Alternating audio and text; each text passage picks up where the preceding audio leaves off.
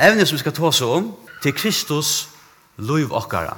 Og hette evne ligger meg utrolig nekka hjärsta, og jeg, som, jeg, som jeg fikk et her boi, jeg skulle ta oss okkurs, evne var frukt, så hugsa jeg Kristus ui okkom, hette er det størst evne. Også at Kjerpa blei sier at han tala det er størst evne, altså hette er et veldig størst evne, og det er et hev av skriftstånd, så jeg kunne til så jeg vil si til jeg syntur, jeg tenkte hetta nevnt, det er det her hos nekvar notater av sånn, men så jeg vil si til jeg vikne hugsa hva skal jeg takke ut?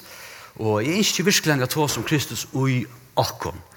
Eller Kristus er okra lui, og han er ui okkom. Det som er alltid ofte er nok så feirligt, Til dømes, så tja vi øyelig ofte han heter her, at vi sier at Jesus Kristus, han er okra firemynd. og jeg er ikke av øyne tøy. Men det kan være veldig feirligt at oss om Jesus som bærer møyn firemynd. Tøy.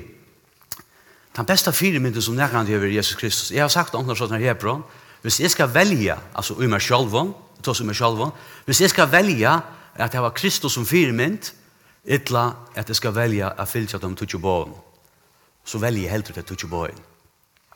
Så Kristus er den fullkomna mynd. Og tog er det øyla kjøtt at vi tog som Kristus som firmynd. Kan det bli øyla kjøtt at at jeg også så nek om han som firmynd, jeg mitt ut i heila, nu er det faktisk ikke Kristus mor, nu er det faktisk jeg som blir høyspersoner. Og det er alt vant i akkurat kristna liv. Og du skal lese noen vers, ur, jeg kommer lese flere vers, ur Johannusar evangelium kapittel 13, og vers 43. Hette er den kjente kapitlen, her som Jesus tåsar om fødatvaten. Men det er særlig hese bare versene, og særlig vers 34 som vi skal gjenge ut fra, og det kjennes versene vel. Men i vevne er at vi får vise at jeg kan ha ui som versene som, som kanskje det ikke har seg. Så let oss lese det. Johannes, kapittel eh, 13 og vers 43. Og her sier Jesus, Nutt bo djev i etikkon. At de skulle elska hver annan. Som jeg har vi elska etikkon, skulle øysen tid elska hver annan. Og så kommer fylgjane av oss ned. Jeg og tog skulle øyne sanna at tid er å lære seg av møyner. At tid har kærløyka hver til annan. Det er en fantastisk lyft. Guds kærløyka skal åpenberast i djøkken sine lærersvunnar. Djøkken kvinner og menn, ung og gåmål, og djøkken likamme som er Kristus er likamme Hatt er den beste evangeliseringen. Men til alt som jeg legger mest til til å lese det verset her, jeg vet ikke om det er nesten hukse om det, legg mest til, Nutt på djevje tikkon, at de skulle elske hver annan. Nå får jeg spyrir spørning her. Er dette et nutt på som Jesus kommer i? At vi skal elske hver annan? Er dette et nutt på? Først hukse jeg til, nei, det er det ikke. Løye Jesus, ikke blekka med å tale av nei, han løyer ikke. Han lyr ikke. Men jeg vil påstande at dette er absolutt ikke åkt nytt på. Til Jesus, kan det være at Jesus ikke visste om hitt bøye? Nei. Til han fær spurningen til at det er det største bøye, og han sverar, så skal elske herren god, og alle hjertet, og alle sjalt, og så og så er det anna på, som kommer, ta du gjerst det, så kommer dette bøye, så skal elska nastan som du selv. Så Jesus var ikke den første som kom og sier at vi skulle elska noen annan. Og til å sette på en av en spurning, ja, men her er noe ui her som er ikke ordentlig fæte. Her er noe som ikke ordentlig han er, Du, tui hatt ikke ikkje nytt på. Men det viser det, det er nytt på. Og det er noe nytt vis. Men når vi gjerra til, så færer vi og hører ikke mer av teksten. Nå, dette sier vi det øyelig ofte. at vi skulle elske kun annan, og jeg av Jesu firmynd. Men det er nytt å ikke bare si det, jeg skal takke og døme. Nå, jeg har tru bøten. og bøten er fantastisk. Helt fantastisk. Jeg halte, jeg det fittaste bøttene, krakkar ikke best unga sønn, fittaste bøttene og alt det her, men til løgna vitt ut til at jeg er ikke fullkommen. Jeg vet ikke hvordan du tykker av bøttene om det er fullkommen. Jeg vet ikke om du kjenner at det er åknet at du kører bil, jeg dam ikke vel å kører bil. Jeg vil ikke gjøre klantrast, så jeg blir jeg tjennesten i Hebron, så har vi ikke klantrast at hun, men jeg vil ikke gjøre klantrast, vi tog ikke vel å kar bil, og det nesten alltid er som kører, og, og, og så tar man kører bil åknet Og særlig at det var smarre, så klantra at han for bilen. Kjenner til det? Han ikke kjenner til det? Ok. Så klantor, og du er pura hjelpare. Du køyrer, og du fars reklamer i sjån, alle tunna, hikk fram etter og alt det her, og du fars ikke løs konfliktene. Du fars løs konfliktene, og så ordentlig hjelparsles. Og så lette hun si, ja, men Jesus akkurat fire mynd, at han ikke bor i her på en, og jeg får prøve det her. Hva skal jeg få prøve? Jeg får si, vet du, kære på kærebøt, frien, frien, og til å løte til en ordentlig konflikt. Ordentlig konflikt at han fria. Ja. Um, Ordentlig, så sier pappa, hei kjær gau, pappa hever finnes jo nødt på, eller mamma, når det er som kvar, pappa er nødt på til tikkon, til skulle elska hver annan, enn som Kristus vil elska tikkon. Og du vil legge merke til, tøkken på en av vei. Har du pratet her? Ja, spør alle vel? Men vet du hva? Så styrt jeg ut prøvd av nei. Jeg har ikke prøvd. Hvor? Du må da ikke spille togene bort. Tog det hjelper ikke. Ikke behandler meg. Hadde ikke nok. Så vi må hava meir enn til at Kristus er okkara firemynd. Det var nek meir enn til. Hvis det er bare Kristus i firemynden, ja, så blir det drepande. Prøv å hukse ikke virkelig, forresten, hvordan gong da? Det var Jesu firemynd. Gong da godt. Vi kan det kan godt bli en nudge legalisme som vi har. Jeg kallar det en nudge legalisme som vi har. Det tryggast å ta seg om til å si vi da jeg ødel at elsker kun annan. Selv den største ateisteren er pura øyner ui at vi skulle elska hver annan. Du fært ånka, ønske blir møtrast nær, ønske sier nei. Og tog er det så alvarsamt at, at Jesus mener noe annet her. Vi kommer til å løt. Nå får jeg ikke etter sin her, hette er sagt en sammenheng, ikke født at vatten. Vi skal lykke halvt kjøtt hos om han. Og i 13. kapittelet, av første versene, så kommer Jesus sammen ved ham, og tar seg seg nyer, og Jesus, han fer fyrre klar fire, og han teker, jeg vet ikke hva det er, eller løyre, eller hva det er, han fyller vatten og og han fer iver, og han fer iver til lærersvennene her, og han fer nere knæ, bukker seg nyer, teker sandalene her av, og vasker dem og føttene. Jeg forstår til meg til å hukke så det, sikkert. Altså, hva det hender her? Sjalt det er for sjokka, men jeg tror ikke det vil bli helt opplevelse, tja da. Du tar huksa på en av en, vi burde gjøre dette her. Herren burde gjøre dette her. Til vi som burde varska føttene til Jesus. Jesus Jeg tykker ikke det er et, et obeheiligt, et obeheiligt opplevelse, og jeg er øyne med men så vil ikke blekker å lukke av, men, men det tykker vi er. Og vi vet hvordan vi er til Peter var det ikke.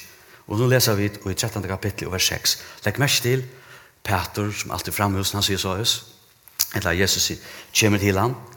Han kom til som en Peter, han sier vi ham, Herre, altså Peter, hva skal du mer om føttene her? Hæ? Han var sjokk. Jesus var i honom. Det som jeg gjør, skiler du ikke nå, men du først er skilja til søttene. Du først er skilja til søttene. Men Peter, han vil ikke. Han vil ikke. Han sier vi er her, 8. vers. Peter sier vi han, aldri ui atlar æver skal du vaska mer om føtene. Aldri. Det kommer ikke på tal. Nei, nei, nei, nei. Her så klottene er hin, etter hva jeg på en tar jeg lette. Nei, ikke med. Du skal ikke vaske meg føttene. Men det er løgnet vitt, legg meg skal Jesus sier han så. Jesus sværer i hånden. Vask et her ikke, hever du ikke lot saman vi mer. Vask et her ikke, hever du ikke lot saman mer. Og så fer han litt ekstrema. Vaska med atlan, skåla med, det er akkurat tog, tek triksbolaren på og skåla med røynan, ordentlig han, ja. Jeg sier nei, han spør jeg over nå ikke spørre vask om føttene. Du, hva er leksjene her? Hva er det vi lærer her? Først hva er troblad kjapater? Troblad kjapater, han sier kristna liv, det venter øvått. Han vil vise Jesus i Guds nekv, han elskar han. Han sier enda han, om alle er nok at jeg skal fære ut deg, han vet det. Kristendømmen kjapater vennskøyft. Han venter etter hva han skal gjøre. Jesus sier, Peter, hvis jeg ikke slipper at tjene til. Kristendømmen er ikke, vi er faktisk å komme til Dolta Løtta, vi er faktisk ikke kattleie som nummer 8 at tjene. Vi er kattleie til at vi undrer at Jesus kommer og tjener oss og og vaska føtene til åkken. Ja, vi kvart så kommer man enda lagt, han er ferdig så lagt, han er ferdig til Golgata Cross, og deg for åkra synder, og øst av synder åkra takle, han vil tidsa loa plosset, han vil tæne okra løyve, og det er som om han vil vise, Peter, du skilit ikke enn, hva sikna av tiden, han løft ikke alltid råpa såsna, njøta bare, han kan ikke njóta til han er så opptidsin, vi at han. Det er nok så at det venta til verset. Hva er så nytt vi er som bånene? Her er nekka spilte nytt. Nekka som ønsken annar har kjent til i gamla testament. Først er Moses, Abraham, etla Josfa, etla David, etla nekka, nekka spilte nytt. La dere lese vers 1 fra 3. Nå er vi fyrir 4 verset, og i 13. kapitlet. Nytt på djev i at tid skulle elska hver annan. Hatt er ikke nytt. Hatt er ikke nytt. Hva er det som er nytt? Det er som nu kommer det nytt legg mest til, som er herve elska tikkun skulle tid elska hver annan. Legg mest til av herslan ut som Jesus sier, er ikke snakka vi skulle gjøre, men han sier, som er herve elska tikkun. Sars du, hvis du skal kunne elska, kærløyge må hava en opprona. Kærløyge må komme ångsten fra. Vi tar ikke kærløyge noe Jakob. Og her først og lidselen til det kristne løyve. Lidselen til det kristne løyve er ans og er her vi elskar tikkun. Hetta fyrir aftur til hvor Kristus Jesus er. Kraftar kjeldan er Jesus Kristus sjálv. Vi leser ofta etter her, å, jeg som er røyna. Når Jesus sier, som er her vi elskar tikkun, til å si en personer som ikke vil oppleva Guds treida lesa kærlaga, og ikke ser Kristus, og hever samfunnet ved Kristus, og kan njóta han, han kan ikke han. Kan ikke. Eller gjør vi det etnere styrke. Vi gjør det etnere kraft. Det blir ikke til. Du måst oppleve en tredjedelse av kærlighet. Folk sier også at da skriftlærer du var øyne kærlighetsleise. Vi dømer det ofte nekk for harst. Ta kun du 24. Hvor kun du 24? Du tar ikke oppleve det selv. Du tar aldri oppleve 24. Aldri. Hver er det som elsker mest? Det er det som har finnet mest 24. Det er det som elsker mest. Ofte er det vi som skulle gjøre for Kristus. Det er noe meter i alvarsamt. Jeg vet hos med den sannlagen her. Det er så meter i alvarsamt. Og dette er det alle stedene. Klart og takk av Johannes. Første Johannes er bra. Fyra. Og legg mest til hva Johannes sier her. Fyra Johannes bra. Fyra vers 20. Hesun er kærløgjen ikke. Legg mest til. Kærløgjen er ikke her. Og han er omgang til her. Aldri. Og hesun er kærløgjen ikke. Ikke at vi har elsket godt. Men at han hever elska okkon og sendt sånn sånn til bøt fyrir sindur okkara. Sars du, han sier avhersle av, til ikke til at jeg elsker god, til ikke til at jeg stand til skuld til god nå, og han gjør sånn for meg, nå skal jeg rønne strøyast, jeg knast ikke, nei, nei, nei, nei, nei, til ångan det her, til kærløgjen ikke hva vi har gjort, kærløgjen, den røyne og den fullkomne, ångan det jo kærløgjen vi så røyne og fullkomne, som tar Jesus Kristus vær her, og vi kunne lese om det, vi tar det, og i kjøkken evangeliene. Og vers 9, kjan det er mye kan si det her på det samme kapitlet, vi er stadigvæk, og i 1. Jansrøp 4, og vers 9, Vi elska. Hvor elska vi? Tui han elska i okkon fyrst. Kærløgjen for alt i atur til som Kristus hever elska meg. Og etter tui som er sutje at Kristus elskar meg, færre er at elska vi hansara kraft, vi hansara kærlaga, vi hansara frie, vi hansara glede, vi hansara njautan. Kære det tui mangla vid njautan i samkommet. Du er ofta så rævlig opptidsen at han. Jeg vann ikke at tæna stann for nyere og i løvden at nasa talen her. Men kære tid, rannsat deg kong sjål. Hva er essensen i kristendommen? Det er tæna. Nå, jeg legger mest til hva Paulus sier til samkomne Korint her som var strui her som var klant. 4 Korint, kapittel 8, vers 9. Her sier han, Trofaster er god, som tid var å kalla vi til samfella vi sån hans herra Jesus Kristus, Herre okkar. Han sier du, vi er kallet til samfellet vi Herren Jesus Kristus. Vi er kalla til at njøta Kristus, oppleva Kristus, og velja spekla okken i Kristus, at han velja livur, og vi sutja han, og vi blir så opptidgen vi Kristus, at vi litt okkar hender opp, lengt opp i minst av nere nirre samkomne som er østene, onkel sier at det enda får hendene opp, og det skal ikke rønne ikke at det nere til ørta man gjør det. Jeg pleier til å si, du kan brev i øynene i hånd først, hver øynene først, du kan så være på her, men jeg vil hver hendene opp, hver færre kan hendene opp, du blir så opptidig med Kristus, wow, du får det tilbyr, han tjener til her, at du i en forstand, glemmer til sjølva. Hatt det til kristne liv. Ta vi blir så vekk i Kristus. Vi halte ofte han, ikke gjør hatt, ikke gjør hatt, ikke gjør hatt. Nei, ta kristna løyve må erstattast vi nekka betur. Ofta de som har alkoholtrobløkker, de får ofta renna, de må erstatta det vi nekka. Kære tid, ta kristna løyve må erstattast vi nekka anna. Og det er det som Jesus viser okken er, lite til ta kristna løyve er ans og er her vi elskar. Tog vil jeg etja tykken arne for vi er. Jeg får spyrja tykken ekvelia, olvarsamma spurning til det ekk folk her. Hever to og et daglig samfunn vi har Jesus Kristus. Hever du? Tjeneste vil alt etter hvordan du samfunn er vi Kristus. At ta i møyne hvordan du særska Kristus gjør fyrir til. Kær til folk som er ærlig, som innrømmer og jotta, er ikke fullkommen. Er slett ikke fullkommen tid. Er jotta sint. Det gjør jeg virkelig. Og det gjør øysen at jeg er gjort det. Da er det bare, jeg synes ikke bare jeg er for løyte, men jeg synes ikke bare Kristus er alt det han står. Det er en prosess, Det er kristne løy, og du vil jeg ikke det kan, og det er min bøn. Ofte er det til, jeg gjør det her, Hebron, jeg gjør det ofte ankta, vi tar nesten og sier, Gå ut hit, her vi er samfunnet med Kristus. Gå ut hit, nå til han, opplever han. Det er kristne løy vi handler om, så øyne som skal gjøre det til at njóta Kristus, oppleva han bruka tusen av veginn, let han vel oppenbera seg fyrir, let be om at heila i anden skal fytla til, fytla til, og velja, og han fer a gjerra det, det fer a vera en prosess, og i tunne loive, og hva er dette alvarsan, hette er en lykil atla stedan, legg mersi til, æsni brøv, til døme sier Paulus, jeg bruk lengra til Jefsus brev, det kan være en lorsta.f, her er en altrush taler iver, eller bibelmar iver, Jefsus brev, Her sørste hvor vi er i Kristus. Og så tar Paulus kommer ut i fjøra kapittel, særlig at han får bo i vers 16, så kommer han til den praktiske kristendom. Og så sier han hetta vi til Efsos, og han sier hetta vi åkne ut. Nå er det fjøra kapittel, vers 31. er en anmenning. Efsos 4, 31. Atler borskløyge, alt ilsen, alle vrøye, alle genker, alle hovan, vil er lengt fra tikkon, somløs alle ønskaper. Og så sier han vi er.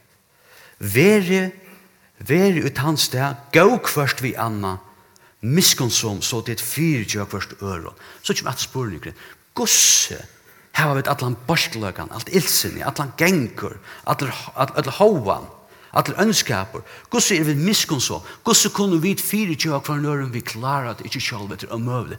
Paulus sier bare vi skulle ikke gjøre så tingene, men han setter nek inn i stegen, og viser om gosse kan bare møvlig. Gosse, stadverst 2, Gosse henta, så det fyrir ikke først øren, ans. Ans og god hever fyrir ikke tikkun ui Kristus. Sørst du, det er for atur til hva god hever gjørst okkon, fyrir okkon ui Kristus Jesus. Ikke hva Jekvan Jakobsen hever gjørst, men hva Kristus hever gjørst. De som sutja hattar, de som velja sutja Kristus, og velja oppleva Kristus, velja njóta han, de er at elska. Det er blir til at beundra Kristus og velja upplevan ta heila anden ger ein livande fyrir och og við er glädje i honom. Jag hentar uppi i ikki inte allt men hentar uppi i og och en glädje. Jag sitter ofta där här på sitter i loften när jag läser kanske och när så mig rösa upp och säga yes. Yes, herre, takk takk takk takk Och och er där på ein hon någon tror. Han får se. Men här är så glädjen. Du måste ha så glädje. Ta uppenbarat. Och ta blöda, nämligen inte tungt av en kristen. Ta blod det verligen at vi får oppleve dette og som vi hans sier, ta i bøyene, ikke tung. Og han sier mer. Og nå er det neste vers 18 av Feitret er ta i til 5. kapittel i Efesus braun og så kommer han inn av vers 8 i Efesus braun. Så sier han dette Vere tui eh, nei, vere tui etterfylkjara gods. What? Kunne vi fylkja god i etter? Kunne vi gjøre som god gjør, kunne vi elska, kunne vi fylle god i etter, yes, hvordan?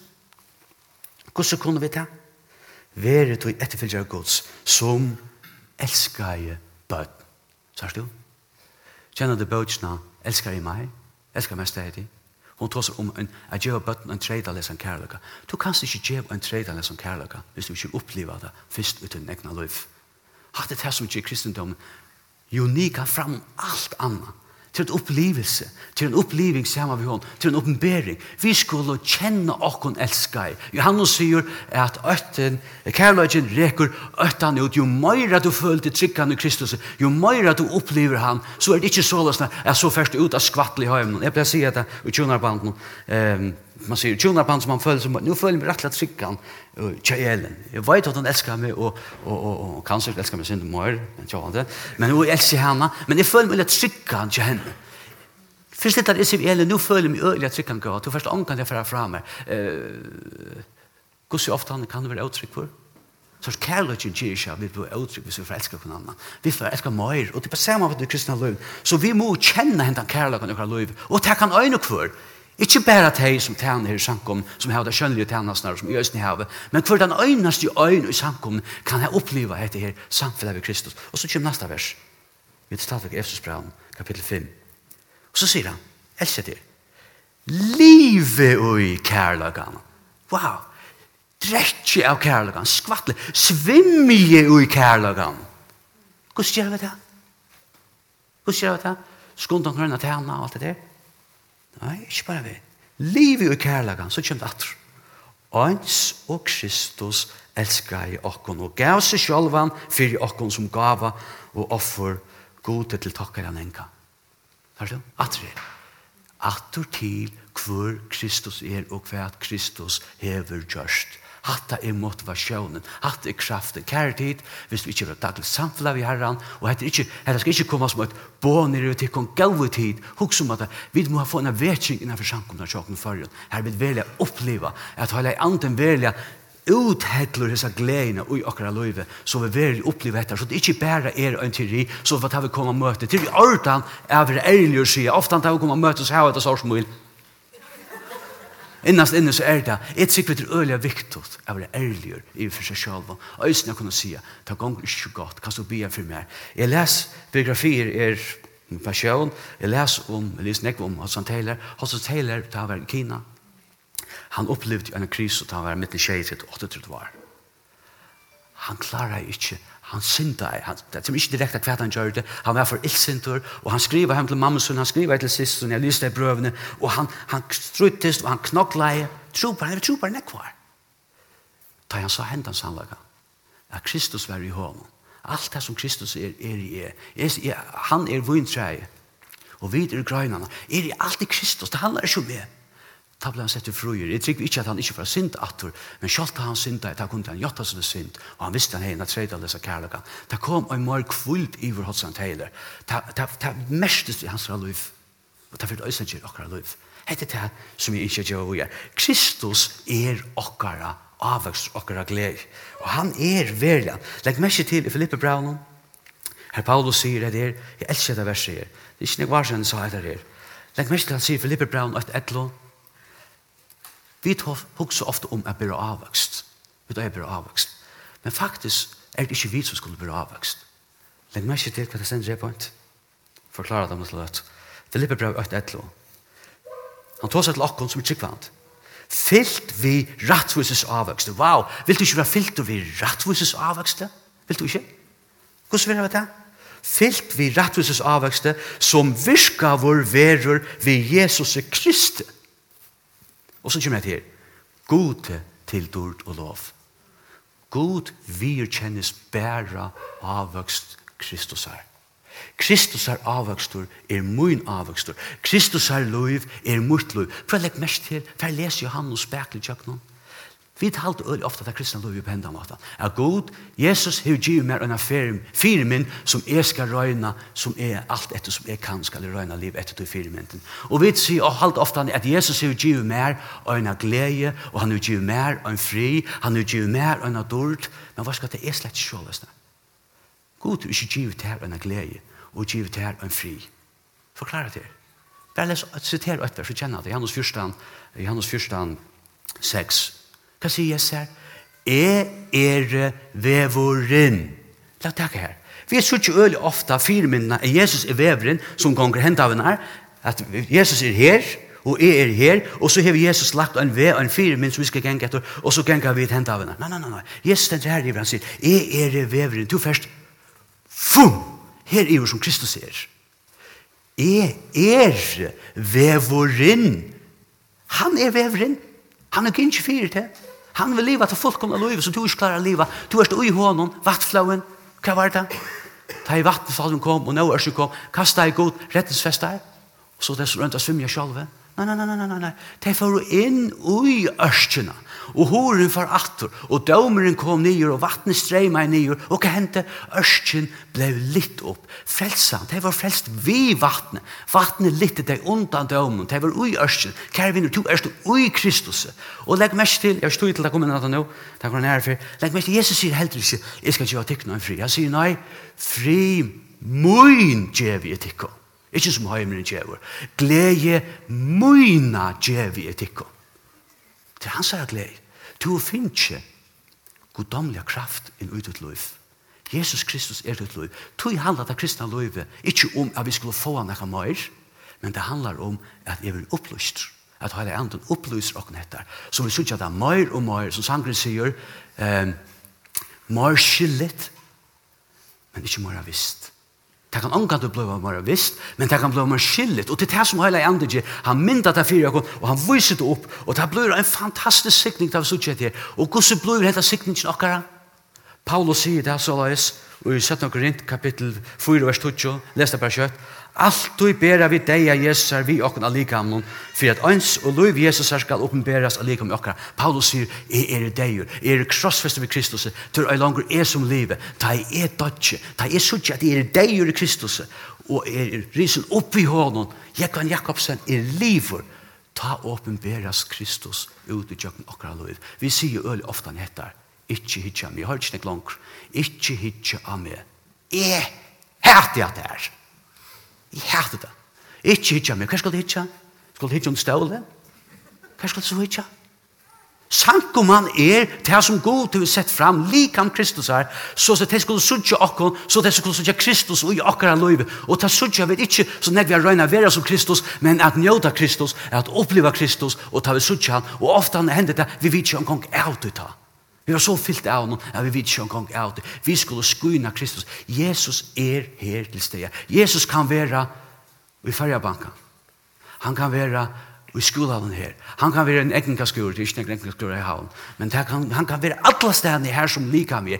Vi er åpen bæra Kristus, vi at vi dødja, er ferdig ut, Kristus blir livet om et liv. Kjære, dette er en veldig glede, dette er så fantastisk glede. Og tog sier Paulus eisen heter, i Rombraunen, eh, 15 og vers 22, han lunch da kom til Rom, for at vi Paulus gjør at han, vil han gjør at han seg sjálvan? Nei, nei, nei, legg mersk han sier i Rombraunen 5, 22. Han sier, Altså han kommer til om, jeg vet da jeg kommer til tikkere, skal jeg komme ved sikning Kristus her, og i fotlo mal. Sørst du, vi kunne gjøre sikning Kristus her, og i fotlo mal. Gjøre det vi er til andre fall. At det er en veldig sannhet. Kære vinner, det kommer i samfunnet. Det øyneste Herren krever av det her. Beundra Kristus. Be heilig i andan. Er det lengst siden du har samfunnet ved Kristus? Nær var det sørst at du opplevde det? at Herren kom til dem, han gav deg et ordentlig klem, og du veldig kjent i hans og glede ut i dine liv. Nå, jeg sier ikke at vi ikke er ferdig om sorg. Jeg har opplevd trutje depresjoner i min liv. Men kjære det kjølt ui her, hur god vi är fantastiska trofaster och i min liv. Och han förra vara det. Och jag tycker vi tar fram mer och mer. Jag kan vittna för tyckon. Och så säger jag, jag är så ivriga vittna och andra frälst. Nej, jag kan vittna heter, jag har en större glädje i Kristus än i hej tar jag blev frälst. Jag har alltid detta blivit mer och mer. Jag minns som jag tolv var gammal. Nu, mamma var infärd hem till herran som jag älskar otroligt mycket. Hon gav och jag har alltid en tolv var gammal. En jolla gav en bubbel, en nuttla bubbel, öjan en. Och jag minns hur så skuffade vi var. Hon säger vi mig, jag kan gå. Henda bibelen her, et la tid var trutje bøtja. Største kvinner som har livet, alle frelster det, livet for herren. Nei, hon, hon visker en tid. Og jeg minnes hvordan skuffa vi er, uten hans ikke lese at det ble jeg jo inn. Og så sier mamma etter meg, jeg kan gå, henta bøtjen. Hon fer øyne fer, jeg blir glede. Og jeg kan vitna det. Jeg elsker seg bøk. Jeg trykker vi på henne fra permo til permo. Det gjør jeg virkelig. Og jeg njøter seg bøk. Du ikke tog og en kvante, og tog er det jeg sier jo folk, så får jeg, ja, men jeg kan tog den lesende type, jeg er ikke en type, du ikke leser. Hvis du vil snakke med læreren som jeg heier til i tjekka fellesskolen, så tar ikke tro at jeg har utbygging som lærer. Det er ikke tro til på denne måten. Men kære til, det ber til, og hette tann gleden, og skal vi enda nulla løte, og hette tann gleden, vi da finner ikke alt i åker kristne løy, og så kan vi enda vi nok så stått til å døm. Vi er ikke ofte og søker etter ølen ting, og vi i hessen heimen som ikke kunne gjøre noen værende glede, men vi da finner ikke alle gleden i Kristus. Fær og byrja. Jeg skal ta døme fra min egna løy. Jeg har ofte gjørst det, lengst enn jeg har gjørst det, særlig at jeg var til her Det så låsna att jag er en bo nere så hade vi en fantastisk hus. Så rättshus. Valdmar bo Ullus nedan för. Jeg var under alt för alla pengarna vet att stått litt sammen. Och på den kom matar. Och da vi kom in i huset så var her en vaskmaskin, torsitromla och her var en owner. Och vet att det her fem år. Fem år som man säger. Och nu vi det en søvn. Så kom Albert på kommer i Hirschals, han bo i Danmark Hirschals, vi bo i Köpenhamn. Och konan till honom, och vi sitter här i stoven och pratar, så sier konans Sven. vi först ska veta vi inte har en kök. Jeg sier, ja, du finner ikke køk. Det har vi hørt. Jeg glemmer så ikke køk. Så sier Svend, å, jeg kan.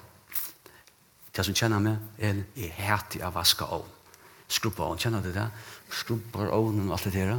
Jeg heter Elin sier ofte, men jeg kan færre vaska ovnen. Du er slik sterskere enn jeg, tar du av vel, og tar fire måneder, hva som er det? Så jeg skrubba, og jeg har skrubba, ikke spør jeg ofte han i det, men det var nærkere for. Skrubba, å, jeg heter hætig, heter det enn, altså. Jeg tåla det. Håper ikke jeg vil var ovnar i himmelen. Håper det ikke. Men lukka mitt. Så stand jeg her på et, Og så, og så sier vi det her på, og så sier vi tar en øyelig smart han ånd, sier, hva skal det er program, han truster at han blir høyter, og han, alt brenner vekk, og tek bare en vatanklot, det kan være cirka først før, så går det programmet for det, vatanklot, jeg sier, wow, jeg står noe ånd helt tommer åt. Jeg tykker ikke på at det er akkurat som Ajax-reklama, som tjekk nere nere, og Ajax spreder, og spreder, så er alt vekk, det passer ikke videre. Men så sier hun, det passer. Han brenner alt vekk, han blir jo i 500 grader, øyelig høyt, så er han ånd helt tommer. Det er fantastisk. Ötle troplaka du lasla i åtta sådana nån. Allt. Sjonar er ikke inte nekk bättre. Allt er ikke gars, man sier.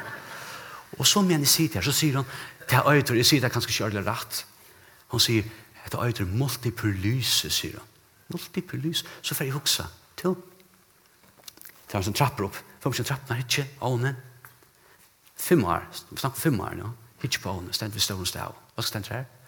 Multiperlyse. Multiperlyse jeg har haft multiperlyse i fem høyl år åttan av vita auto. Og jeg skal nu gjøre det sin stortløst. Og jeg minnes det ene fra, jeg sikker herren sagt, jeg kan elsk, han heter det, jeg skal gjøre denne sikning, jeg skal gjøre henne åni, multiperlyse. Og ene fra det jeg gjør døvra, ikke jeg gjør det bare ene fra døvra, men ene fra meg, så kom jeg køyre at det programmet P, og det var så høyt at det slagt, jeg sikker herren kallt i og jeg slagt i atter.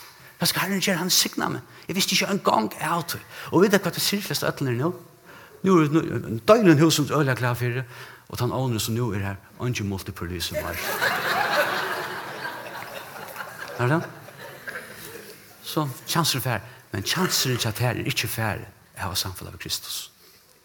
Og oppe, til lukka mykje gussen jeg lover ikke at her, du følte spilt. Herren stentor. Du sier, jeg føler meg veikan, jeg føler meg usalian, til akkurat til tøyen, Herren skal komme og åpenbæres. Jesus sier, kom her til møyen, og et tid som strevast, legg mest til, og et tid som har strevast det tungt å bære, jeg skal gjøre deg en. Jeg er i kvilen, gå ut hit, let dere være verle, skulle vi ikke være bi etter denne vekking og i samkommen tjåken, at vi får åpenbære Kristus, til som haunen, høyvurken, og kanskje særlig klagsvurken, skulle sutja til Kristus. Kristus Det skulle velja suttja Kristus, og, og vid er og teg lærersvennan, etter som vi beundra han, ikkje etter hos høgt vi der, hos hva byggvingar vi det hava, slett ikkje, kærlighet er bi inna lunta. Jeg enda ikkje bøn, men jeg gjer ofta det til er bi inna bøn. Kærlighet, let okkur velja, vi er saman. Feir, vi er prysa det her for Kristus, akvar er han ikkje underfotlar. Gå i himmel ikke fær, fyll lakken vi høyla i andre andre fær. Tala til flere kanskje som sier til her, som ikke har et daglig samfunn. Læt deg få et livande samfunn fær vi til, så at vi kunne komme ut til okra medmenneske, til okra bøten, til det som livet mitt, vi er Kristus, sikningar Kristus. Vi sikning Kristus er ui fotlo male, gau i himmel fær, ta bia vi din nærlig om. Takk det. bia vi for sundagsskolen, ta året som sjå og æsni herfær, ta bia vi din nærlig om. Og i Jesu navn. Amen.